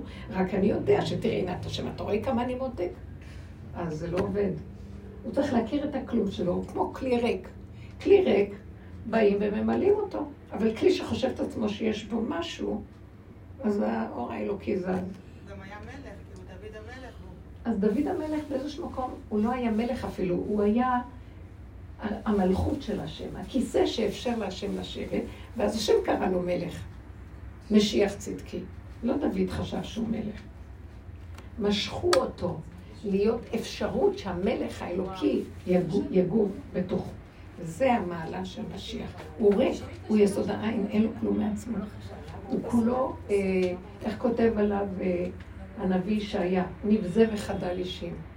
אז אם אני מבינה את מה שאת אומרת, את בעצם אומרת שברגע שבן אדם יורד מהעץ שהוא טיפס אליו, ובעצם מודה בזה שהוא פגום, ושהשם שלם והוא, והוא הפגום, ויש לו על מה לעבוד, אז הוא בעצם... לא, העבודה שלו לאט לאט זה להבין שמה שהוא לא יעשה, לעבוד על הפגם, הוא יישאר פגום. כן, כי כן. אמרתי לכם מה זה היסוד של הפגם. עד מתי אבל. תקשיבי, שאני תגידי, אם את. אומרת עד מתי, אז את לא תפסת את הנקודה. לא, אני לא נכון? אומרת עד מתי. תסבירי לה, רחל. ילד קטן לא, לא בגן, זהו. אני. כל הזמן חושבת, תצאי מהתפיסה, את מבינה מה היא אומרת פה? תצאי מהתפיסה שאני פגום. זאת אומרת, לא, ככה הוא ברא לא. אותי, זה לא עניין של... עוד המוח אומר, אני פגום, אז בוא נתקן. וככה אנחנו עושים, מנסים לתקן. לא. לא. אבל לא יעזור שום תיקון. המציאות בעולם תחטיא אותי. התנועה של העולם, אז מה שאני צריך. לעשות? לעולם שאני לא יודע מה יקרה בעולם, אם זה יסתדר או לא, אבל אני יודע מה אני, כמו שאמרתי לה על המנהיג, אני יודע מה אני. אני יודע שאני, כמו שאני ראיתי, סיפרתי לכם, שראיתי, שרגע קטן אני יוצאת קצת, עוד יותר מהאפשרות לשני, ישר אני עוברת את הגבול שלי ופוגמת. במה פגמתי? אני מרצה אותה. ולאט לאט התחלתי לפחד ממנה. כי למה? כי יש לה איזה נטייה לשלוט. אז היא תפסה את המקום הטוב הזה כדי לשלוט עליו. אני לא, לא שאכפת לי שתשלוט עליי, אבל ראיתי שאני מחטיאה אותה, שהיא רודה בי, וזה בגללי. אז נבהלתי ואמרתי, את לא יכולה. לא, את לא יכולה. את צריכה לדעת לא להתרחב מדי עם החברות, עם אף אחד. נקודתית וזהו. כי אני רוצה להיות נאמנה לאמת, להשם שבתוכי, ולא לחברים וכל זה. זה לא עבודה עכשיו. השם יחבר ביני לבינה בפשטות, והוא מחבר, אנחנו ביחסים מדהימים מאת השם, אבל אני שמתי לב לדקויות האלה, וראיתי שאני גורמת לה. ונבהלתי מעצמי, אתם מבינות מה אני אומרת? אז חזרתי ואמרתי לא. העבודה של האדם צריכה להיות דקה מן הדקה באמת. ואז השכינה קמה עוטפת אותי ומשמחת אותי, ואמרתי, אני אחבר אותך, שלא בצורה של החיים, שמיד עכשיו אנחנו יוצאים, ישר הפגמים יוצאים. או שאני מרצה, או שאני כועס, או שאני מתנקם, או שאני עושה חשבונות, או שיש לי מחשבה שלילית עליה, או שזה... לא רוצה את זה. אין סוף לזה פה. זה לא יתוקן. זה מעוות, לא יוכל לתקון.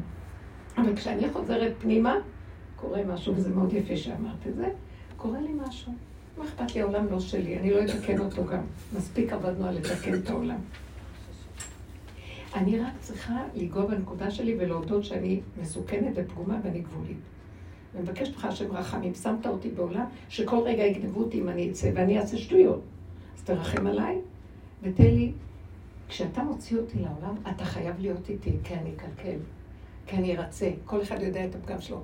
אחד מרצה, אחד כועס, משתלט, אחד אה, גונב, לא יודעת מה, כל אחד. זה בדיוק הייתה הכוונה ששאלתי, כאילו, עם הקטע של, סבבה, אז אני מודה שאני פגומה וכולי, אז מה אני עושה עם זה עכשיו? אז את אומרת, אני בעצם זה, פונה להשם. אנחנו כאן שיעורים של 20 שנה. מה שאנחנו עושים עם זה. מה שאנחנו, רגע, הפעם הראשונה שאת פה? אני הייתי אמורה, אני חושבת שאני בשיעור הלא נכון, אבל הכי נכון. בדיוק. מה שאנחנו עשינו עם זה, הכרנו, ובהתחלה באופן טבעי, כי אנחנו בתודעת עץ הדת, רוצים לתקן. ואנחנו רואים אחר כך שאי אפשר במוח הזה לתקן. מה שאני מתקנת, אני אחר כך, זה מעגל שלו, לא יוצאים ממנו, זה סזיפי. מה שאמר קהלת, מובן שיוכל לתקון מה שהיה, הוא שיהיה בן חדש תחת השמש. והמעשה הזה שעשה אלוקים רע עליי, אומר הקהלת, שזה דבר שאי אפשר להבין, כי יש עת של שלום, ופתאום אחד אחד יתהפך למלחמה, ואחר כך יהיה עוד פעם שלום, וככה הכדור הזה זז בין שתי הכתבות האלה. והמקום הזה נקרא עץ הדת, חטא עץ הדת טוב ורע. והמקום של האדם שמתבונן, אומר, תיכנסו עד הסוף פנימה ותבינו, אנחנו כאן בארץ תלעובות.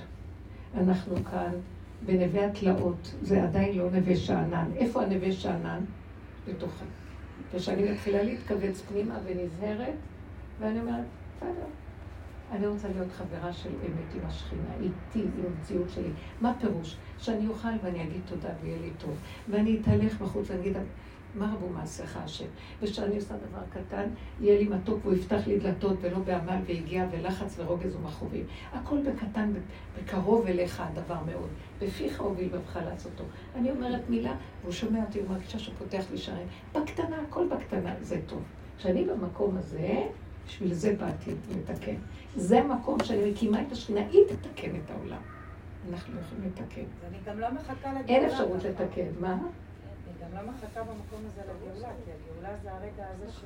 בדיוק, אותו רגע שאני רגוע, רגועה, ועכשיו, מה נהיה לי הערך הכי גבוה בחיים? שטוב לי, רגוע לי. אכלתי ואני שמחה, איזה טעים. אני אגיד לכם את האמת, פעם יכולתי. כולנו יכולים לאכול הרבה. והיום לא מסוגלת, שתי, שלוש אה. כפות של ההתחלה או משהו כזה. כל כך טעים, שאחרי כמה, אני מרגישה שזה שבעתי, זה טעים לי. אה, אם אני לוקחת כף ראשונה וזה לא טעים, אני מזיזה את האוכל, זה לא בשביל. פעם אני אוכל אה, מהעצבים, שאני בכלל לא זוכרת מה טעמתי ברגע הראשון. וגם אני אשאל, תגידי, בירכתי או לא? אני לא זוכרת, וכן הלאה. כל המצב של האדם עגום, הוא עמוס במחשבות, ברגשות, בשיער ובכאבים. אחר כך הוא מעלה במשקל והחילומה, אחר כך הוא רץ לעשות לו כל מיני טיפולים ועניינים. הכל פשוט, השכינה קרובה, הכל מתוק, ואתה שמור, הבן אדם שמור. אז הגענו למקום שכמו ילד קטן תחזור למצב הפשוט שלך, שאתה בעצם ילד בגן עדן של השם, הוא שומר עליך.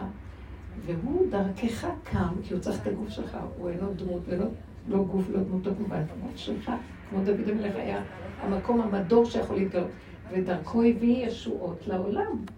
דוד המלך הוריד אור, הקים, יותר נכון, צמח דוד עבדך תצמיח, מלמטה הוא הקים את האור של השכינה. והשם אמר לו, אתה הקמת אותי, מה שכל הדורות לא היו. עכשיו, זה היה רק בזמנו, ואחר כך כל הדורות נכנסו לגלות, בסוף הדורות נחזור לעבודת דוד המלך, כי הוא היה רועה השביעי, ונעשה את העבודה שלו בסוף הדורות. לא כל הזמן עשו הרבנים? העבודה הזאת, לא כל הזמן עשו. לא. כל הזמן עשו את העבודה שאמרתי לה, שהחכמים ישבו בשמיים, ביררו לנו את התורה בדעת, בבתי מדרש, ועשו לנו אה, סדר שנוכל להלך בו, ושלא נח... שלא נהרוס את העולם ונחריב מרוב רשע, והבן אדם זה טוב החוקים. אבל עכשיו אנחנו רוצים גילוי שכינה ממש. אתם מבינים את ההבדל מה אמרתי? שהדעת יש בה אור אלוקי, אבל זה לא ממש הקשר עם השם, זה עם האור, עם הזיו שנמצא בתוך התורה, דרך מה שהחכמים מבררים. אבל האור של השכינה זה, זה, זה אור ש, של אה, חיות אנרגטית אלוקית שנמצאת פה בבריאה, מביאה טוב ושמחה לעולם. זה מאוד חשוב הדבר הזה. היא אומרת שרק אותה השם מכריח להגיע למקום. אני לא שומעת טוב, אז לא, גם בה. היא אומרת שרק אותה השם מכריח להגיע למקום.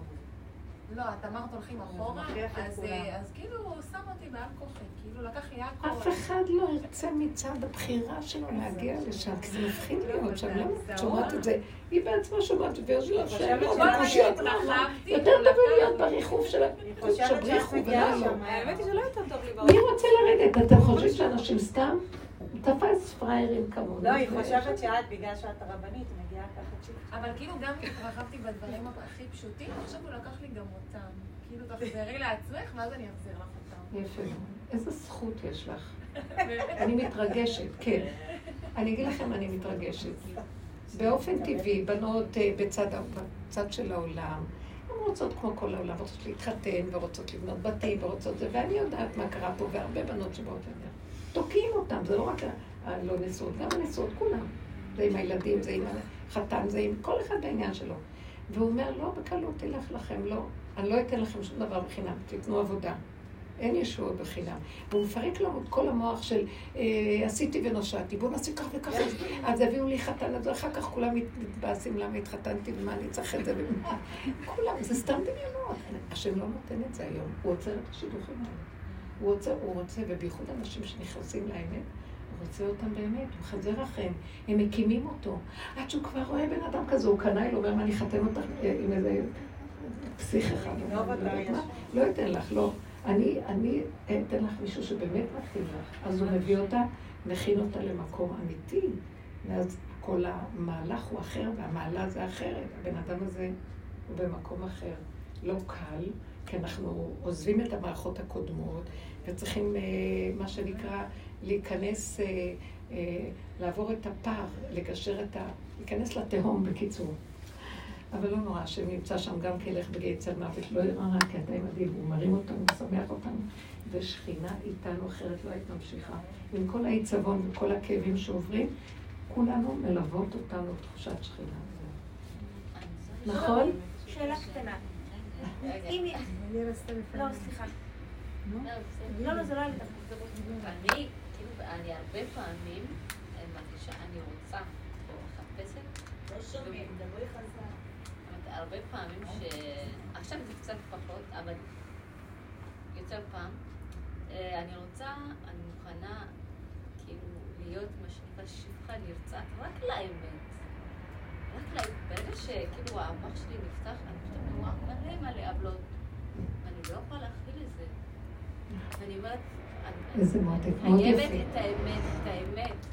את האמת. את רואה כי היא משתתפת. בשיעורים והיא באה והיא רואה את הפער בין כל הדמיונות והמוח והבנות וההשגות והידענות וההשכלות, הכל בכאילו של האמת, כאילו, וייתם כאלוקים. וכשהיא שומעת את הדיבורים פה באופן טבעי, אה, אנחנו, זה משפיע עלינו, זה מושך אותנו למקום של האמת הפשוטה, אבל האמת הפשוטה היא לא בעלת תהילה, ואין לה כותרות, והיא לא עם אה, איזה כבוד ופאר והדר, היא בחושך, אבל היא מתגעגעת לזה עכשיו. ישנם, בתהליך הזה ישנו מצב מאוד מאוד קשה, ששתי המערכות האלה משמשות בערבוביה. אני פותחת פתח לראות איפה האמת, בינתיים ההוא יושב לי השד במוח, והוא נפתח לי גם כן, ואז אני לפעמים, אתם לא מבינים, טוב היה מותי מחיי. הוא אומר לי, "אה, ככה, תראי לאן הגעת, פעם היית חשובה, תראי מה קרה לך, כן? תראי מה את עושה, את חיה, אה, ואיפה את? בבור. תראי, הכל נסגר, הכל זה לא, הולך זה לא, הולך זה, מתחיל להגיד לי. ואז אני אומרת, או שהוא משמיע לי שאיזה רבנית חשובה שם נהייתה פתאום הרבה יותר מפורסמת. היא באה אחריי אלף שנים, כי הייתי פעם נורא מפורסמת, ועכשיו אני בחושך, כן? אז, ופתאום היא, ואז נהיה לי קנאה, ואז הוא אומר לי, תראי לאן הגעת, מה קרה לך פה? ואז אני אומרת לעצמי, אימא'לה, אבא'לה, אלף מיטות ולא קינה אחת. אם אתה לא סוגר לי את השד הזה, אני מתה, אז אני לא רוצה לחיות. לא יכולה. אי אפשר לי לעשות עבודה כזאת, וגם שיפתח לי איזה חלון של המערכות העליונות של פעם. כי זה מערכות אחרות, מערכות של שאיפות וגדלות וחיוביות ועולמות עליונים וכל זה, ואני, איפה האמת נמצאת ממש מארץ תצמח, מה, מהבוץ של החיים. ואז אני מתחננת ואומרת לו, זה לא הולך ביחד, אני לא יכולה יותר להכיל אותם. תסגור לי את הערוץ הזה, ריבונו של עולם, מתחננת לפניך. הביא אותי, מושכני אחריך, נרוצה, הביאני המלך עד הרב. תרחם עליי. אתה לא יכול להשאיר גם את זה פתור, אני לא יכולה. כל הזמן אנחנו צריכים להתפלל ולבקש רחמים, שלא נתפתה אחר המחשבות האלה כשנכנסים לפה, כי חווים את הגיהנום. אתם מבינים מה אני אומרת לכם? אתם יודעות את זה. כי את רואה, בראותי כל עיר עומדת על תילה, ועיר האלוקים מושפלת עד שאול תחתיה. אנחנו מסתכלים ורואים, כולם הולך להם, ואנחנו איפה נמצאים? מה הולך פה? זה מה שכתוב בקינות, או אני לא יודעת איפה, בה, ש... שאנחנו מקוננים על חורבן ירושלים. מה קורה פה? אבל זה התהליך שאנחנו צריכים לעבור ולבקש רחמים מהשם. ואני רואה שהוא סוגר לי את המוח. איזה כיף לי לא לדעת. יותר טוב שלא תדע מה שתדע, יותר טוב לי שהוא לוקח לי גם את הזיכרון, חשבתי שאני דימנטית. בסוף אני אומרת לו, תודה אבא, תודה. כי הוא פשוט עוזר לי לשכוח את המהלך הזה, שאני לא אשתגע מרוב כאבים. כי זה דמיון, הדמיון משגע אותי, מה אתם חושבים? הוא מתוק, הדמיון הזה. כולם רוצים את המקום הזה, אבל כל דמיון. וכולם, נדמה לי, כולם שמה יש להם, וכולם מתים מקינה זה, מההוא זה, מההוא, וכל אחד חווה מיטה משונה יותר בעולם שם. ואחד מקנא בשני, וכל אחד כאוב, והכל דמיון אחד גדול. מה אני צריכה להיות שם? וילד קטן שטוב לו הרגע הזה, והולך לו בקטנה ושמח, ולא זוכר כלום ולא יודע כלום. מישהו יכול, איזה, איזה, אני, אני מחפשת להיות במקום הזה. אין גאולה יותר, גאולת הנפש הכי גדולה. לא להיות בצער, לא ברוגות, לא מחבים, לא בשיפוטיות, לא בביקורת על אף אחד, וגם לא על עצמי, ככה לקבל את הכל איך שזה ככה, ולהיות ילד קטן שלא מבין כלום. זה המקום שיש גילוי שכינה. מתגלה על דבר כזה, הבנתם? לא גדלות המוח הזה והשקר של עץ הדעת, של דמיון ה... וייתם כאלוקים שסילק שכינה מהכדור. מה? זהו, נגמר? דיברתי המון, חמודות שלי, בדרך מדהימה. אה, הגבירה הגיעה. איזה קורה. עכשיו, עוד משפט. היא הגיעה מוקדם. תסיימי את כל השיעור בשבילי. אני חושבת שאם מביאה את השניצל, אם יצא ידי חובה. אני רוצה אותך, לא את ה... אין דבר. אבל אני אגיד לכם את האמת, אני מאוד טעימי מה שנקרא. חמודות שלי יקרות ואהובות. זה הנקודה שאנחנו מדברים עליה. זו דרך שהיא דורשת מאיתנו, לקראת הסוף צמצום, הגבוליות מאוד עוזרת. אין לי כוח להכיל סבל. אני לא יכולה להכיל. כמו הסיפור שסיפרתי, אני ראיתי, אני מאוד אוהבת את אותה אישה שנתתי דוגמה, אבל ראיתי שזה גורם לי סבל, לראות את עצמי בריצוי שלי, שאני מרצה. ואמרתי, אחרי כל כך הרבה עבודה להיות מרצה. ואמרתי, כן, ככלב ששב על קיאו. הטבע הזה לא מפסיק, ואני לא... אז, אז אני אומרת לו, אבא לי, אין לי כוח כבר לתת עבודה, וזה חוזר שוב, גלגל חוזר בעולם, ואתה, השם, אתה יודע משהו? אז אני לומדת לקח להצטמצם ולהתמעט, ולא לרוץ לעולם כאילו העולם שלי. לא, לא, לא, זה מסוכן פה. נחשים ועקרבים, אני לא מסוגלת שיעקצו אותי. אמר לי, או, קיבלת שכל. זה עולם גדול. הים גדול, רחב ידיים, שם אין מספר חיות קטנות עם גדולות. תיכנסי פנימה לדלת אמות. תהיי עם ישראל הוא קטן, לא מרובכם חשק בכם השם. אה, כי אתם המעט מכל העמים, תמעיטו את עצמכם, תחלו סכנתכם. מה אתם רואים איך העולם היום נראה? הכל פתוח, כולם יודעים הרבה, ויש זה הכל כשר שבכשר. והתודעה גונבת את הבן אדם לכאלה רחבויות של ידיעות והבנות והשכלות וחומרים ומה לא, ותרבויות, זה סכנת מוות. מה, מה זה מועיל לי? אני רוצה שלווה מתיקות. כמו התם והחכם של רבי נחמן, שכמה היה חכם ומה הוא לא. והתם הפשוט הזה שם את, דלת אמותיו בתוך הנעל שעבד עליה. טוב, אנחנו לא בדיוק אותו דבר, אבל זה כאילו אחרי כל המעברים הגדולים, וכל ההשכלות וכל הידע, מה לא עשינו, והצדקות ומה לא, חזרנו לנקודה הקטנה. כאילו, התהלכתי בגדולות ובנפלאות ממני, אם לא שיוויתי ודוממתי נפשי, כגמול לאמו, כגמול עליי נפשי. רש ועושר, אל תיתן לי אטריפני לחם חוקי, לכו בקטנות, בצמצום, בהתמעטות. כל העולם הולך לסעור על, על הסערה בים מתחילה עוד פעם, והים הולך לסעור, וכדאי לנו לעלות על הסירה הקטנה של הדרך האמת, ולעלות כמו דגים לפני ש... שהסערה תשטוף את כולם. איך לעשות את זה? תלכו, תלכו עם ה... איך איך להיכנס בפנים? איך, איך? כלי, איך להיכנס בפנים, איך לסגור את המוח. אני כבר שנים... מה זה איך שנים?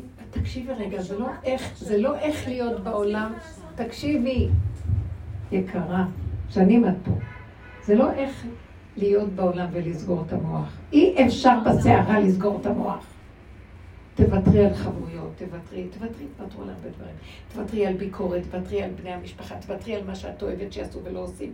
תוותרי על כל מיני מעורבויות רגשיות. את לא צריכה לסגור את העולם, צריכה לסגור את הפסיכולוגיה של העולם במוחך. צריכה לסגור את ההתפעלות שלך מכל דבר, והגירוי תגובה, תסגרי, מה אכפת לה, שעושה ככה, וזה אמר את זה, וזה עשה ככה, והיא באה ולא באה, וזה הלכה. מה אכפת לך? זה נקרא, במקום הזה שאת מצטמצמת, אז יותר קל לסגור את המוח. אבל כשאת יושבת בעיצומה של ה... של הקרקס והיריד הזה, איך את חושבת שתסגרי את המוח? עוד לא סגרת משהו במשהו אחר, דבר. זה טורף? אין דבר כזה. זה מה שעם ישראל זכה להיות, חלקו ונחלתו של השם, קטן, מצומצם, מרוכז, ומובדל מן העמים. אנחנו מאוד מעורבבים באומות. ויתערבו בגויים וילמדו מעשיהם. אנחנו היום בתודעת הגויים, והכל בשם התורה. איבדנו את המיוחדות של עם ישראל, שהוא לא מתערבב עם חשיבת הגויים. בפרשת כי תבוא, אה, שכתוב שעם ישראל ירד לגלות, הוא יהיה אצל אומות העולם, ועבדת שם עץ ואבן, מעשה ידי אדם, כאילו, אז רש"י אומר שלא חלילה יעבדו עבודה זרה, אבל ילכו בצורה של החשיבה של הגויים. צורת החשיבה הגבוהה. לרדת, לרדת, להיות בפשטות, בפיך ובלבבך לעשותו. ובקטנות ובהתמעטות, תדעו לכם, וזו נקודה שאני רואה אותה, האנרגיה האלוקית היא אנרגיה אטומית. היום באטום, בחלקים שלו, יש תמיד, בחלקיק הכי קטן של האטום, מגלים עוד את התכונה של האטום. עוד פעם מחדש. וגילו עוד חלקיק עוד יותר קטן בחלקיק של הקטן, שהוא עוד פעם מלא הכל. זאת אומרת שפתאום קלטתי שההתמעטות והקטנות, ככל שיותר קטן הדבר, התהודה שלו והעוצמה שלו הרבה יותר גדולה. ומשם כל העולם מונהג. לא שהשם גדול, עץ הדת אמר ויתם כאלוקים, הוא אכל מעץ הדת ויודע איך לעבוד, כאילו מהדת של כמו בני אדם. לא, בלי דעת הוא פועל הכל. מתוך הנקודה עצמה הכל נעשה לבד. זה שכל שאי אפשר להבין אותו בכלל. זה לא שיטת גדלות בכלל, רק דרך הקטנות אפשר להכיר את היסוד האלוקי. בגדלות רוצים להבין איפה מתחיל להיות הכרת האלוקות באמת, איפה שהפסקנו להבין, אני לא מבינה, לא מבינה, השתגעתי, לא מבינה, לא מבינה, לא יכולה להבין. תכלית הידיעה שאני לא אבין ואני לא אדע.